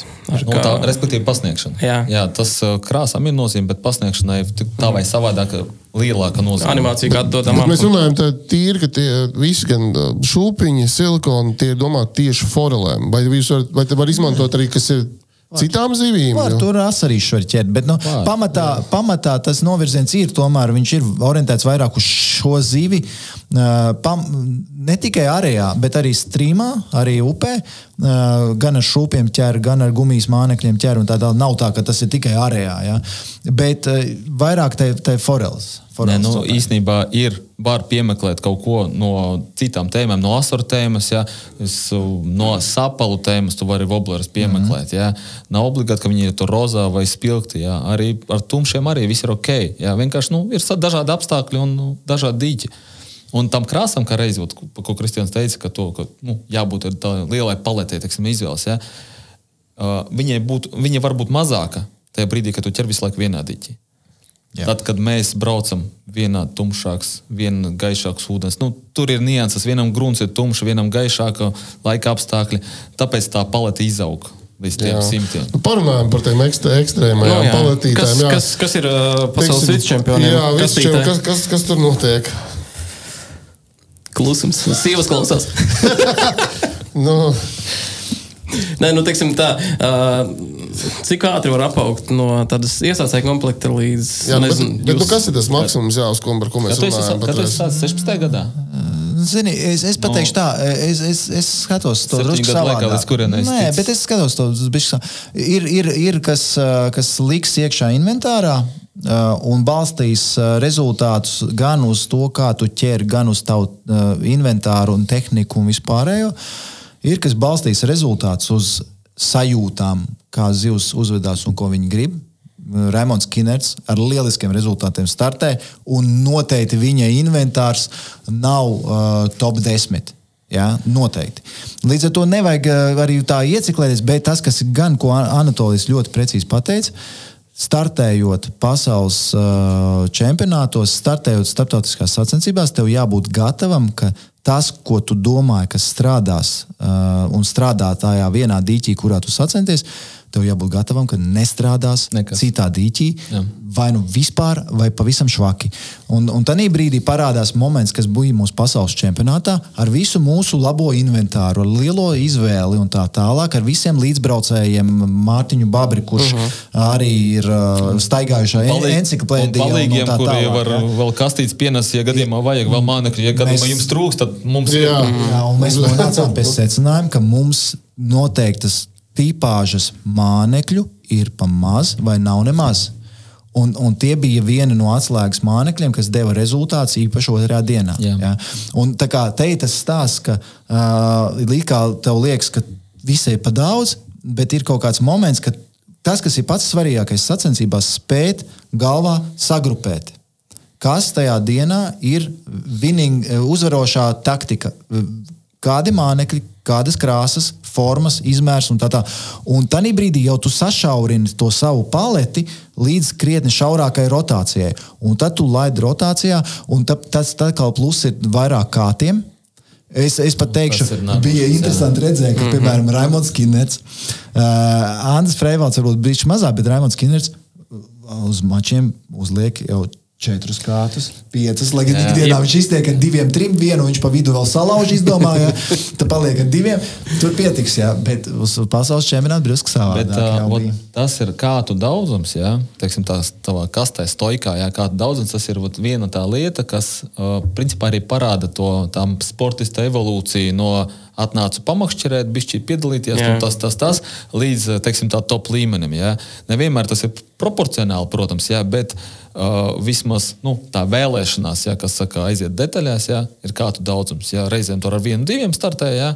Un tad, kad tu jau, tev jau ir 6, 7, tur 8, jā, tas nozīmē, ka tu jau ar kaut kādu mērķi viņus salasīji. jā. Slovākiem tur bija pat 11, 12 kārti. Pa- jau. pa- Tieši pa- jā, jā. pa- paklausiet, uh, pastāstiet skatītājiem, kāpēc ir tāda amplitūda, kāpēc daži startē ar diviem kārtiem un cits startē ar 11. Pasaulē es domāju, ka tu ar diviem Nē, nu, vispār, nu, teiksim tā, nu, nekur tālu nu, netiksi. Nē, nu, protams, Nav bet nu, jau salīdzināšana. Nav. Uh, pasaules čempioni nebija neviens, kam bija mazāk par četriem vai Tu pieciem. iedomājies savu pašsajūtu, ja tu ja, ja aiziet uz starta ar diviem kārtiem pasaules čempionātā. Es domāju, ka nu, tur, tur Es izstāstīšu arī, kāpēc. Tas Jā, ir bīstami. tieši- jā. Jā, Ā, vajadzētu, Tev kāpēc? ir ļoti min, im, limitēts laiks. Tev ir ļoti limitēts laiks, man, mums ir bijušas katram tādas cīņas, ka tu 20 minūtēs izvelc kaut kādas 16, 18, 20 zivis. Tas nozīmē, ka ja kaut kas ar tavu vienīgo vai diviem kārtiem notiks, tu zaudēsi laiku, kamēr sameklēsi kaut kādu savu sakabīti, kamēr piesiesi to sakabīti, kamēr nu, uzliksi. Tu jau zaudēsi ar vienām, vienu, divām zivīm, kuru iedzīt būs ļoti iespējams grūti. Un tajā brīdī, ko tu varēsi vainot? Ka tu uz tik nozīmīgām sacensībām neesi līdz galam sagatavojies tehniski. Jo mēs visi esam cilvēki, mēs visi kļūdāmies. Bet eh, vissliktākais ir tad, ja tu kaut ko, ko tu varēji novērst, aizņemties kaut vai no eh, paziņām, draugiem, čomiem un tā tālāk. Paldies Mārim Rublānam, paldies Mārtiņam Babrim, kur ik pa laikam man izlīdzējuši ar, ar inventāru vai nu kātu vai spoli un tā tālāk. Un, un līdz ar to es mēģinu, un arī Anatolijas ir tāds, ka mēs mēģinām samazināt cik vien iespējams šo tehniskās eh, kaut kādas eh, niansītas vai problēmas, lai, lai, lai to ir mazāk. Te ir tas stāsts par to tehniskumu. Ja? Uh, tu vari ielikt savus makšķerus, visus smuki salikt, salikt. Tu maizglus var nepārsiet nekad, principā. Un startēt, un viss būs labi. Bet viņš taču saplīsīs tieši tad, kad, ot, kad nevajag viņam. izšķirošās Jā, Jā. uh, Te ir stāsts par to, kāpēc ot, vakarā šīs meditācijas ir mezglu siešana, Jā. auklu mainīšana. Reizi aukls atkal, nu, pārsien. ja citās copas veidos ir pieraduši vai nu neilons, vai nu tur pītā, jā, tad mums ir neilons, mums ir pītā, mums ir esters, mums ir fluoriks. Jā. Nu, ir četri tipi, jā. Jā, ko mēs rotējam. Un, un te, man liekas, bez tā auklu, tā tīnamā aparāta ir grūti izdzīvot. Jā, jā, jā, tā ir. Bet, teiksim, paga, sorry, Jā, jā, jā, uh, te, okay, uh, bet vai tā nav tā, ka tie kāti arī pielāgojās kaut kādam tur šūpiņu smagumam? Jā. Testam? Ne, ne tikai šūpiņas, Lai varētu man- izspēlēt labāk? un mani, Precīzi. Animācija. veidi. Jā, Un animācija. anima- animācija. Un tas ir tas, atkal, kas mums pieņemsim. Mēs, mēs arī iz, iz, izjūtām to tieši Rumānijā vairāk, ka mēs saskārāmies ar drusku citu mānekļu tipāžu. Un, an, an, Kas tas tāds bija? Tas, kas tas Viņš mistiskais uh, māneklis? šobrīd viņš runā par uh, šitiem te. Grunts mānekļiem. Būtībā uh, vibi, ratlini, kur Vibi, animācija ratlini, vairāk Pagaidām, latviski tā. Kas, kas tas ir? vibrē, vibr, Vibrējoši Vo- mānekļi. Wobleri? gan mm. plasmasa, gan metāla. Jā, Viņi nokrīt uz grunts, viņi ceļ augšā. Tā. Jā, bet, bet tur bija piemēram apakšā zāles daudz, kur tu pat nedrīkstēji nolaist uz grunta. Tev bija jāpaspēj tā animācija iztaisīt tādu, ka tu to mānekli noturi. Fishing. Noturi pa, pa vidu vai augšējā slānī, plus tev uh, tenī brīdī, kā tas kāds atstrādā uz to mānekli, bieži vien tā reakcija zivs vai nu ir vai nav. Un, un te, te parādās tāds Nu, tā forela ir interesanta zivs. Viņai tu vari to nu, tā saucamo atslēdziņu, varbūt eh, pasniegšanas veidā, to atrodi, uzkodi. Ja, un tad tas var nest rezultātu. Bie, nu, gadās to arī mačus mm. novinēt. Vienkārši tāpēc, ka tu esi atradis labāk, un tavs kāds spēj izpildīt to asorāvienu, citam nespēja. Ja. Man ir lēnāka akcija, nu nepatīk, kā viņi tur raustās. Citam mm. asāka un viss labi. Ja. Nu, te ir jautājums par to pasniegšanu. Labi. Tāks, par kātiem skaits vienkārši no skatītājiem varbūt var rasties, tiksim, atbraucot uz sacensībām. Tiešām tur tāda viens tur startē ar diviem kātiem, un viens atnāk ar desmit kātiem. Un varbūt iesīvīņā, priekš kam desmit kāti. Vienkārši, tas ir vienkārši ir, Dažādi. ierobežots laikā, un tev jābūt super gatavam visam. Tieši tā, pareizi. Kristian teica, ka ierobežot, tev ir 20 minūtes, tev jāuzvar. Tev jāuzvar vienkārši mm -hmm. vienu sīvu vairāk. Un tajā brīdī, kad tev ir, tev ir visi sagatavots, tev mānekļi sagatavot, kā mēs darām parasti arī, tu principā saliec mānekļus, kādus tu liksi bez maz vai secībā, kā tu esi izdomājis, jo tu esi noraus, nav svarīgi sapiņķerējies. Es domāju, ka visi uh, ir sastapušies ar situāciju, ka ir pēkšņi tur maza bārda vai kaut kas tur mm -hmm. aizķērās, kaut kas pārplīs, es nezinu. Kaut kāda ķibele, ja, Jā, tehniskā. Ja. tehniskā. Tu vienkārši noliec viņu nost, paņem nākošo, tas aizņem cik 5 sekundes, Jā. ja, un tu esi spēlē. Tu neesi pazaudējis uz to piņķerēšanos. Ja? Un uh, gadās tā, ka vienā 20 minūšu periodā tu vari palikt bez cik diviem, man liekas, īzī. Man ir bijis arī uh, sacensības, mēs ar Anatoliju bijām finālos uh, Lietuvā. uh, Komandas sacensībās, mazajā tajā dīķī, kur bija ļoti liels zivju skaits. Es pēc četriem kādiem paliku. Un tad, tāpēc ir saprotams, kāpēc forši, kad ir piektais vēl rezervē. Jā, jā. Bet tagad par to sāpīgo tēmu. Izmaksas, cik tad mums teiksim, tādam starta komplektam tur varbūt sadalām kāds ar spoli un, un, un mānekļu. Teiksim. Es, es, es gribētu teikt, ne, nevajag biedēt uh, tos, kuri interesējas par šo disciplīnu. uh, Ar, ar maksimālo to, tā kā, jo tu jebkurā sportā vari aiziet tā kā uzreiz top. top Nē, nē, te ir runa par- par gan- iestartēt start- iekšā. sta- Iestartēt, uh, es domāju, Manuprāt, ir viss diezgan demokrātiska ieeja. Tajā ārējā sportā ieeja ir pa- patiešām demokrātiska to- salīdzinājumā. lai ar pārējiem. sajūtu, Jā. sa, sacensību garu sajustu, garšu sajustu. Atceries ar ko? Ja stāsta par to, ka 16. gadā ar ko tu esi sācis? To, ko es izmantoju. Tieši tāpat arī es. Latvijas čempionātā ķēra Jā, vasaras. Asaru ķērām, to pašu spolīti, 2000 spolīta, 0,3 aukliņa. Pa Man pavadiņā līdzīgs stāsts arī. Un šūpiņi. tas. Un tieši ar to mēs esam dabūjuši pirmo reizi darbošas rokas Jā. periodu laikā. Emocijas, ka tu, tu, tu zini, ka laiks iet un tu. Un kā teiksim, tiem wobbleriem, teiksim, par kātiem, tas skaidrs, ka, teiksim, wobbleri tur tā, cik viņi tādās cenās tur. Uh, Wobleri ir, uh, ir dažādās cenās. Uh, ir, tāpat ir, kas ir uh, uh, mazie, kaut kur liekas, būs mīnus. 12, 14, 15 eiro. Jā, būs, būs, kas būs arī 20 un, un 10 vairāk. līdz 20. Tā, tāpatās kā vis, visi mānekļi, man liekas. jā. Ir, ir, protams, ka dažādi ražotāji, jā, ir, ir Japāņi, kas, kas objektīvi vienmēr būs dārgāki. Mm -hmm. Vienalga, vai tu skatīsies uz arējā, vai uz, uz līdekļu copi, mm -hmm. vai uz asaru copi.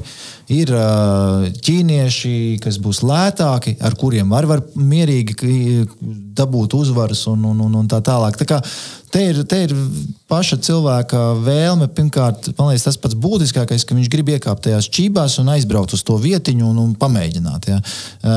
Un pamēģinās, un tajā brīdī viņam būs lielāks priekšstats, ko viņam vēl vajag.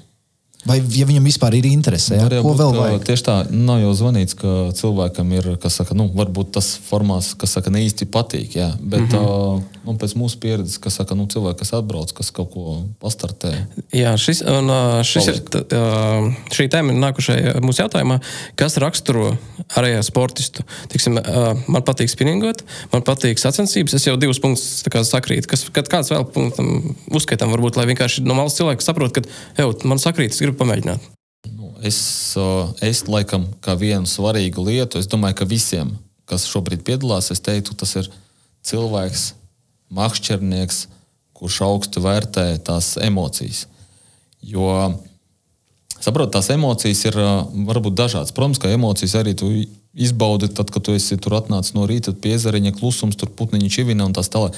Bet ir arī citas emocijas. Ir tur prieki, vilšanās, tur traģēdijas, uh, dažādi. Tu vari tajā vienā dienā izbaudīt to dažādu, tāpēc, ka tur ir vairāk tie dueli, tie sparingi, kur tu, tu tikko Latvijas čempionu apspēlēji. Tu viņam tikko atņēmi punktus. Tu tur staigā tāds, viss labi. Ja? Un pret mums ar Kristiānu bieži vien tur redzi tās sejas. Zin, kā, atnāk tādas, zin, ka, nu, es to tu, tu, tās, no, tu, tās, to. Zin, kā, un, ja viņš atņem punktus, viņš ir priecīgs. Viņam tā ir uzvara. Nē. Nu, Jā, jā, tā mik mikro uzvaras. Jā, un tas ir tas, kas ir emocijas, tas ir kāpēc mēs uz turieni braucam. Arī mēs. Tāpēc, ka tu viņus visu laiku piedzīvo no jauna, no jauna. Tev, tā, tev tās epizodes ir daudz. Un es pieliku klāt vēl vienu, ka cilvēku, kuriem patīk risināt rebus un ātri to darīt. Jo šī arējā ir tāda funkcionēšana, rīktīgi, domāšana. Tu- Īstenībā, jā, un, tu, un ātra, operatīva. Jā. Tu nevari tā pazīmēt. Būtībā pat tā, ka tu izdari metienu, tu saproti, kādā uh, līmenī, augstumā tā, tas mākslinieks iet. Pēc tam nākošo zemāk, nav mainu. Uz ko mainu, kāpēc? Ja, un tas viss tev galvā, tev kompīts strādā. un Ir tev jādomā. algoritmi, jā. Jā, un Jā. tas ir savādāk. Tas viss notiek daudz dinamiskāk. ā, Nu, piemēram, man, es negribu citos makšķerēšanas sporta veidos līst iekšā, bet piemēram, kaut kāda līdzība ir arī ā, zemledus sopē, kur ā, savā ziņā lēmumi ā, par, par vietu un tā tālāk jāpieņem salīdzinoši ātri. Tas arī nu, drusku savādāks funkcijas. Un par vietu arī mazāk. Bišķi, tas, tas, nu, tas vietas, tas Jā. efekts, viņš ir mazāks. Nē, šeit, šeit arī atkal ir mazāks tas vietas jā. efekts, bet atkal pasniegšanas efekts jā, lielāks. Jā. Nu, tas nians ir. Laivās atkal ir tā, ka tu vari rezultātu uztaisīt pēdējā stundā, un viss būs labi. Tu būsi Vienkārši čempions. atrodot vietu, kur tas zivis ir. Bet arī tas nedara. Tev, tev nedara, ka tu pēdējās divas, trīs uzvari. Ja? Tev vajag, uh, lai tu visu vajag stabilitāti, lasi punktus. Līdz ar to tas rēbus visu laiku jāfunkcionē, un, un, un apstākļi mainās. Zivs uzvedība sākumā būs viena, zivs uzvedība pat vidu būs cita, un uz beigām būs atkal cita. Un tad brīdī tu jau izdari kaut kādas secinājumus par pasniegšanu, par krāsām, par formu, par mānekļiem un tā tālāk. Tā. un tas ir tas interesantais. Sacenšanās, patīk ķert zivis. Uh, Emocijas un emocijas domāšana. jā, un, un tā tālāk. Nu, laikam tā. Bet es droši vien arī atzīmēšu to, ka es dzirdēju, ka ir pietiekami demokrātisks tas uh, ieiešanas tajā sportā. Nu, tev nav, viņš, viņš nav astronomiski dārgs, jo citās disciplīnās tas ir pilnīgs kosmos, lai tu tur uh, vismaz Jā. kaut kādu rezultātu parādītu. Un, un vēl viens ļoti liels pluss, uh, viens ir ieiešana, otrs uh, piedal, nu, braukšana, piedalīšanās sacensībās. Tas būs lētāk nekā aizbraukt ar, ar plūdu. Uh, Vai karpām, vai laivām, un tā tālāk uz kaut kādām sacensībām. Šeit tu vari aizbraukt, kā savā ziņā arī piedzīvojumi. Redzēt, redzēt kaut ko citu, citas, citas valsts. Mums bija ļoti interesanti pabūt gan Holandē, gan Ukrajinā, gan uh, Rumānijā, gan Itālijā. Un tur katrā vietā ir kaut kas un, savs. Un tev nav jābrauc uz nedēļu, lai patrenētos un tā tālāk. Un, Un tas ir ļoti būtiski. Es domāju, tas laika, jo mums arī iepriekšējā viesā tieši to ir teikuši, kad, ka, ka tas laiks, kas tiek patērēts treniņiem, prom no ģimenes un vispārējā, tad, tad šis ir tas, tā disciplīna, kur tev ļoti īsā laikā, nu, tev nav jā, jāvalda tik daudz mm. brīvdienas, jā, jānorok. Zinies, vēl, vēl vienu lietu pieminēšu pie šī te, kas īstenībā man liekas, ka šitais ir tas copes veids, kur var vot, no sākuma līdz top līmenim tikt diezgan ātri. Nu, cik tas ir ātri? Vēl pie tam Latvijā. Es Jo, teiktu, divi gadi. Tu Jā. vari līdz top līmenim. Uh, Tas ir ātri. Tas, tas ir, ko tu arī teici par to, ka makšķerēšanas sports vispār ir tāds, kur uh, salīdzinoši ātri var uh, tikt pie Tas ir globāls, ļoti lieliem sports- panākumiem, salīdzinot ar citiem sportiem. šeit ir superātri. Te, te, te, te, te tiešām, šis ir veids, kā to var izdarīt. Ja ir ambīcijas, ja ir uh, domāšana, prasmes, uh, noteikti var. Un vēl kas ir labi šai disciplīnai, man liekas, tas ir foršs veids, kā jaunos jaun, pat bērnus, jauniešus dabūt iekšā makšķerēšanas sportā. Un viņus gatavot tā tiešām tā jau, jau mērķiecīgi uz, uz rezultātu. Jo viņš labāk redz, kas notiek, viņš var labāk apgūt uh, nianses un tā tālāk. Man, man ir vēl viens jautājums teiksim, pa- par šo sportu. Tad, teiksim, ja mēs skatāmies tur plūcis, karpas, spinnings, ja, tur visur, kur tu piedalies sportā, tu arī uzģenerē to pieredzi, kur tu vari pielietot arī tādā hobija makšķerēšanā. Kā, teiksim, ar ārējā, ko viņš tev iemāca tieši priekš tās hobija makšķerēšanas? Oi, es, uh, es, man, man bija ar Viktoru par šo daudz diskusijas un sarunas, un, mēs abi nonācām pie viena un tā paša. Uh, nav obligāti, bet ļoti ieteicams, ja, tev, ja tu ķer līme, augstā līmenī tos pašus asarus, šī disciplīna ļoti palīdz. Jo mānekļu pasniegšanai šeit ir daudz lielāka nianses. Daudz, tas viss jau ir tāds niansētāks, un, un ja tu mācies šeit ķert, tad uh, asarīt ķers ļoti. Zini, ka es tev tev, to varu raksturot tā, ka, piemēram, iedomājies to kaut kādu video failu vai apmācību. Nu, nezinu, nav svarīgi kaut kādu video gabalu, noliec, ja? Nu, tipo, asaru ķeršana nav svarīga. Tu Jā. nospēlē, viss ir labi. Ja? Tad šito visu, to, cik tas ātri notika, ot, arī būtu tas, ka tu uzliktu uz ātrumu 0,5 un vēl lēnāk. Viss, ja? Tāpēc, ka tu iemācies tam visam kustībām. Animācija, tu krietni, mācies, lēnāk, krietni, pat, detaļām tu sadalī to. Ja? Okay. Māca pacietību. Tā kā šī, šī disciplīna ļauj, ļauj pilnveidot prasmes arī citām spinīgošanas disciplīnām. Es neņemos spriest par, par vai tas kaut kas tur noder pludam, vai feederim, vai karpām, bet, bet pieņemsim, attiecībā uz spinīgotājiem, uh, tas tiešām. Mm -hmm. Nu, tas ir tā, Nu, tik, cik ķerot plēsīgo zivu, Jā. būtībā Jā. labāk strādāt ar metienu, animāciju un vispār. Jā, tas ir svarīgi pieminēt. Tas, tas ir to, ko mēs esam savā pieredzē skāruši. Mēs, mums tomēr tas spinningošana tomēr. Mm Mhm. -hmm. Mēs līdz pludam neesam izauguši. Es arī nē. Mēs, bij, mēs bijām līdz tam izauguši, pēc tam pārgājām. Sākām ar plūdu. Sākām ar plūdu. jā. Bet nu, plūcis viens no tādiem sarežģītākajām disciplīnām Jā, viennozīmīgi. jā, jā. Es Varētu biju būt. ar Normūdu, es parunāju. Jā, jā. Tā ir tā ļoti, ļoti gruntīgi. Man liekas, ka tu plūdā. Plūds ir tāds kā pamats laikam daudzām citām Mm. makšķerēšanām. Uh, ejam ar ātriem jautājumiem. Jā. Esam ļoti tuvu finišam. Ātries jautājums šoreiz Renārs gatavoja īpaši, jo disciplīna pašam ir tuvu. Viņš teica, ka šit, šitos viņš gribētu zināt. Tā nav tik traki, tu jau man te pārspīlē. Cilvēki nebiedā viesis. Pirmais būs šāds inside joke. Nu, labi. Pepino vai moka? Moka viennozīmīgi, bez, bez vispār bez jautājumiem. Ir Tur ļoti tad bija Es zinu tikai- vienu cilvēku, kurš atbildēs pie Pino. Es arī zinu. Čau, Viktor. Jā, Sveicienu Viktoram. Labi, pavasara sesija vai rudens sesija? Rudens. Jā, rudens. rudens. Visas svarīgākās medaļas tur mums. Un uh, pagājis kaut kāds tāds ieskriešanās laiks. Jā, jā, rudens. Jā. Uh, pasaules čempionāts Rumānijā vai Itālijā? Es pateikšu Rumāniju, un es pateikšu, kāpēc. Tāpēc, ka man viņš likās uh, daudzveidības ziņā vēl uh, daudzveidīgāks nekā Itālija. Es teiktu, laikam, Itālija vairāk, tāpēc, ka tur bija viss tā, tās emocijas bija lielākas. Varbūt. Svaiga vai cepta? Svaiga. Jā, bet arī backgrounds, kāpēc mēs to prasām. Jo, cik es saprotu, arī ir viena no tām disciplīnām, kur, ja ir zivs savainota, viņi ir jāpatur. Jā, tas ir tiešām šī disciplīna, kas ir ļoti orientēta uz to, lai cik tas ir iespējams. Makšķerēšanā, ja, bet cik tas ir iespējams būt maksimāli saudzīgam pret zivi. Līdz ar to ir atrunāti ļoti daudz principu. Viens uzķermeņa tīkliņam jābūt no silikona. Attiecīgi, au- nevar būt tur kaut kāds uh, žilkas, mezglis. Dze- dze- Dzels. Nākamais uh, bezatskapa ar gāķi, zivs atbrīvošana. Neskaroties, nesaspiežot zivi, neturot rokās un tā tālāk, tur ar speciālām stānciņām vai ar relīzeru, vai ļoti, ļoti uzmanīgi paņemot āķi tā, lai tie tiešām netraumētu to zivi. Vai arī, piemēram, ja tev tās rokas ir siltas, ūdens ir ļoti augsts, zivs saskarās ar to siltumu. Nu, Būt maksimāli saudzīgi un uh, saudzīgi atlaišana. Tajā pašā laikā neaizmirstiet, ka dīķos foreles audzē, tā lai viņus kādreiz apēst. Labi, neatbildēt jautājumu. Jā, Cep vai, vai ceptu vai svaiga. Nu, laikam jau ceptu. Okay. Lai gan, nu, Uh, labi, uh, radiograft vai favorīti? rodeo. Roģiki. Kāpēc? Rodeo Rodeo.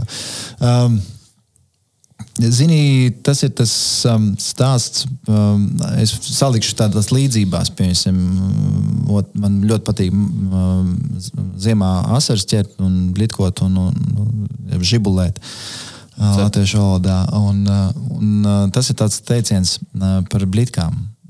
Ir svarīgi, lai tu tici tai blitkai, ka nevis ķerās, neķerās, tāpēc ka blitka ir vainīga, bet kaut, kā- vai nu tu neesi atradzis zivu, vai pasniegšana nav pareiza. Rodeo Rodeo kra- krafta kāti, gan kāti, gan, gan mānekļi un tā tālāk ir tā uzticēšanās pilnībā, kad, uh, kad tas ir inventārs speciāli veidots, radīts šai disciplīnai. Un, uh, līdz ar to var gadīties, uh, un ir zivs aiziet nu, jeb, no jebkura inventāra, un ar, var izvilkt ar jebkuru inventāru. Bet tas ir vairāk tāds sajūta, pārliecības, bet tas nav tāds uh, obligāti must-have uh, mm -hmm, Okay. variants. Nu, jā, šoreiz mums ātri jautājumi pārvērtās par Jā. plašiem atbildēm, bet uh, pirmo reizi, bet man nekas. pamatojumu. Jā, jā, nu super. Ā, Bet ā, nobeigumā es gribētu vēl parunāt par um, tojošos uh, pasākumu, kas saucās Fishing Bazaar, um, kas notiks 2. aprīlī Andrejs, Andrejs salā. Un, uh, es zinu, ka jūs pagājušajā gadā piedalījāties pirmajā. Un, uh, varbūt- pagājušajā gadā, bet uh, pirmajā. Jā, nu pirmajā jā, Jā. jūs piedalījāties. Un varbūt ir neliela pieredze pastāstīt, kas Mums tas ir. bija. Mēs, es domāju, ka mēs bijām laikam viena no pirmajās rindās, kurus Vladimirs uzaicināja uz to pasākumu, jā, kurš to arī iesācis organizēt un arī šogad palīdz organizēt. Un, tas ir palielinājums tāda nu, interesants pasākums, tā kā tirdziņš, kur var apmainīties, pataustīt, paskatīties, ap, nopirkt, pārdot uh, savus copus inventāru, kas parasti, jūs zināt, makšķernē, cik mums mm -hmm. viss kaut kas ir kastēs, kaut kur skapjos. Ja?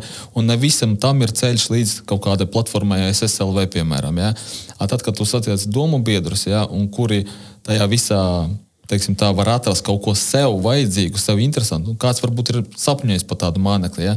bet to, tas ceļš tam māneklim līdz nākošajam īpašniekam, ja? tā ir tāda forša vieta, un cik es zinu, ka šogad viņi Uh, tur īpaši saplānojuši tādus pasākumus, jā. papildus un attrakcijas, kur noteikti pat ar bērniem ir vērts aiziet Jā, jā. un paskatīties.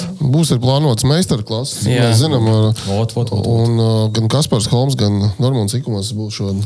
Jā, un, Un tur ir vēl divas vēl labas lietas. Viena, uh, reizēm tas mākslinieks viena rokās nestrādā, otrā rokās strādā. Ja, un dodam to ceļu tam māksliniekam, nevis mm -hmm. turam viņu, viņu mājās plauktos, bet, bet dodam tālāk. Mm -hmm. Iespēju un otrs - labdarība. jā.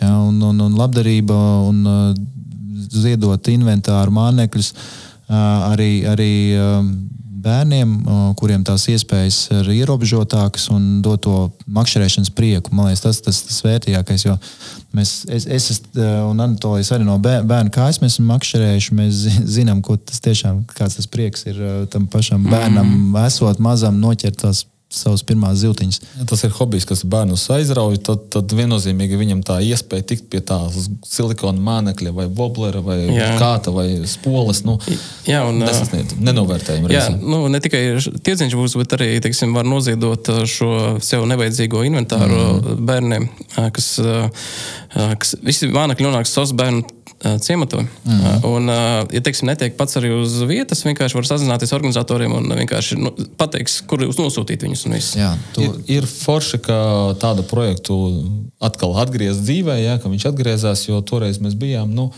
Tur bija pietiekami daudz cilvēku īstenībā atbraukuši, un mēs toreiz uh, šķirāmies no daudz dažādiem. Un uh, bija arī salīdzinoši aktīva tā tirsniecība, un, un, un viens arī cilvēki satiekās, Jā, apmainās foršs ar, tusiņš. ar domām. Jā.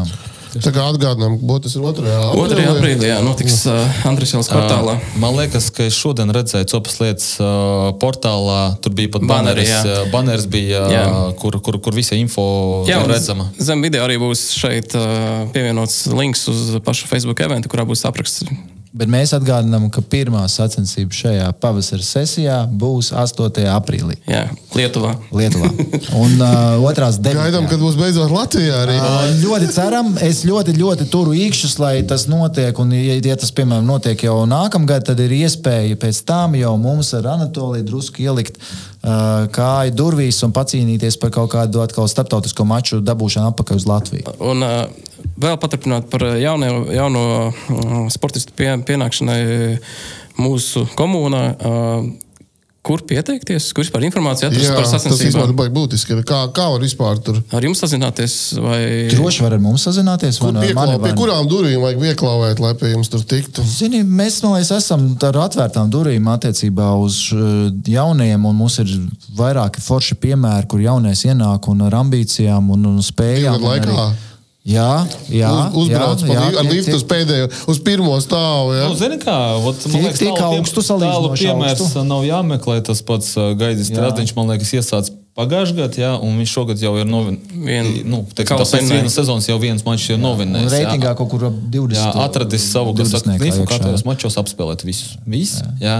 Un, uh, piemēram, ceļš līdz izlasēji no starta līdz ir sešu maču attālumā. Jā. Jautājums tālāk. Jautājums tālāk, vai tu vari tos, uh, kas jau tur kādu laiciņu jau uh, Pabīdīt cīnās, un tā maliņā. tālāk pabīdīt maliņā, bet kas ir forši, mums tas reitings arī veidots uh, savā ziņā pēc tenisa principa. Katrs nākamās jaunās sacensības dzēš pašas vecākās, un tev visu laiku ir aktuālais sešu sacensību reitings, ja, no kurām tiek izvēlēts četri labākie rezultāti. Tā kā nedrīkst iesnausties. neko. Jā, un tā pašā, mēs varam visu laiku noteikt to labāko uz pavasara, pēc pavasara sesijas, pēc rudens sesijas. Mēs pēc pavasara sesijas veidojam izlasi pasaules čempionātam. Tātad šī pavasara sesija noslēgsies. Mēs tad tajā brīdī zināsim, kas būs Latvijas izlases sastāvā pasaules čempionātā cīnoties pa Lietuvu. Ā, Lietuvā. Un pēc rudens sesijas mēs nosakām, kurš pārstāvēs uh, Latvijas uh, izlasi, uh, kāds būs tas sastāvs uh, dalībai um, Eiropas, Eiropas uh, līgu sacensībās. Tā kā tas reitings ir izveidots, mums ir ir labākie, tiek noteikti labākie reitingā. Pagājušajā gadā labākais bija Juris Fjodorovs. Un es zinu, ka ļoti daudz grib to titulu iegūt un būt tie labākie. Kā piemēram jūs, kungi. Ja? Es, es esmu paspējis dabūt. Es, es ļoti ceru, ka Anatolijas jau turēja īkšķis, lai viņš to izdarītu. Man kaut kā viss ir ne tā. Man kaut kā viss ne tā pagaidām. ir. Jā, Kas, kas savot eh, reitinga kausu vēl nav dabūjis. Divkārtējais Lietuvas čempions, bet ne Latvijas. Nē, viņš ir Latvijas čempions. Latvijas Ah, arī. Viņš nav reitingu dabūjis. Ah, Viņš nav reitingu, reitingu reitingu, jā, dabūjis. Bet. Būs, būs, būs. Es domāju, Jā. ka būs. Viss apņēmība ir. tā Nē, kā- es pensijā neiešu, kamēr nedabūšu. Un tad no mūsu puses, no CELPS frekvences, mēs novēlam jums izdevušos sezonu, kā arī piesaistīt pietiekami daudz jaunos dalībniekus un atgriezt Latvijā mājas trasi, kas būtu tāds Jā. lielais projekts. Tad arī, es domāju, būtu lielāka arī atsaucība. Viennozīmīgi, viennozīmīgi. Tur būtu krietni daudz, viss vis kaut kā varētu darīt, ka tikko mēs noņemsim nost tos 200 km.